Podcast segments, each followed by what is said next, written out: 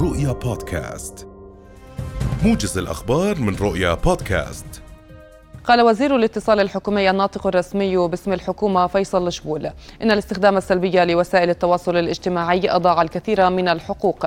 مؤكدا في كلمة له خلال الاجتماع الأول للفريق الفني العربي المكلف بالتفاوض مع شركات الإعلام الدولية أن الإعلام بوسائله القديمة والحديثة بات اليوم ضحية لوسائل التواصل الاجتماعي.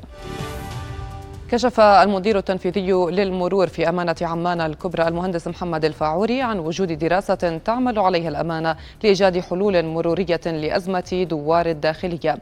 وبين الفاعوري لرؤيا اليوم أن عدد المركبات المسجلة في الأردن يتجاوز مليونين ومائة ألف مركبة. 75% منها موجودة في العاصمة عمان. مشيرا إلى أن عدد الحركات المرورية اليومية في العاصمة يقدر بحوالي 11 مليون و500 ألف رحلة.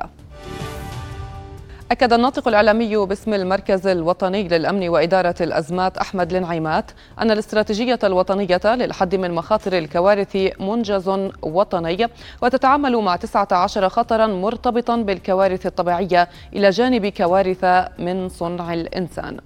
وأضاف الانعمات لرؤيا اليوم أن الأردن أول دولة عربية صاغت الاستراتيجية على المستوى الوطني عبر الشراكة بين مؤسسات المجتمع المدني والمنظمات الدولية فضلا عن الأجهزة الحكومية والأمنية.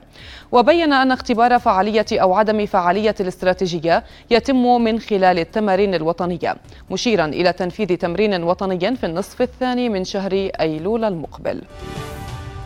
رجح الناطق الإعلامي باسم نقابة أصحاب المعاصر محمود العمري ارتفاع أسعار الزيت والزيتون في الأردن للموسم الحالي رغم توقعات زيادة إنتاج الزيتون بحوالي 25% وقال العمري لرؤيا اليوم إن الموجات الحارة قد تؤثر على كميات الزيت مضيفا أن التقديرات العالمية لأسعار زيت الزيتون تشير إلى أن سعر تنكة الزيت قد يصل إلى 96 دينارا وأن هذا السعر يخضع للعرض والطلب. أعلنت وزارة الدفاع الروسية اليوم أنها أسقطت طائرات مسيرة أوكرانية فوق منطقة تولا وبيلغورد دون الإشارة إلى وقوع أضرار أو خسائر بشرية. وقالت الوزارة عبر تطبيق تليجرام أن الدفاعات الجوية دمرت طائرتين مسيرتين فوق منطقة تولا جنوب موسكو. وأضافت في بيان لها أنها دمرت طائرة مسيرة أخرى فوق منطقة بلغورد المحاذية لأوكرانيا.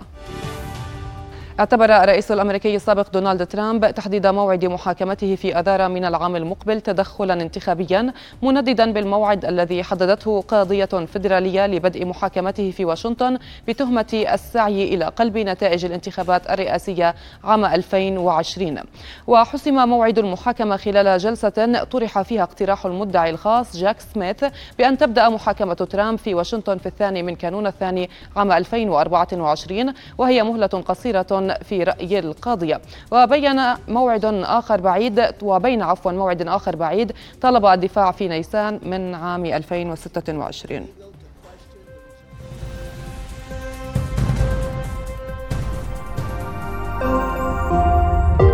رؤيا بودكاست.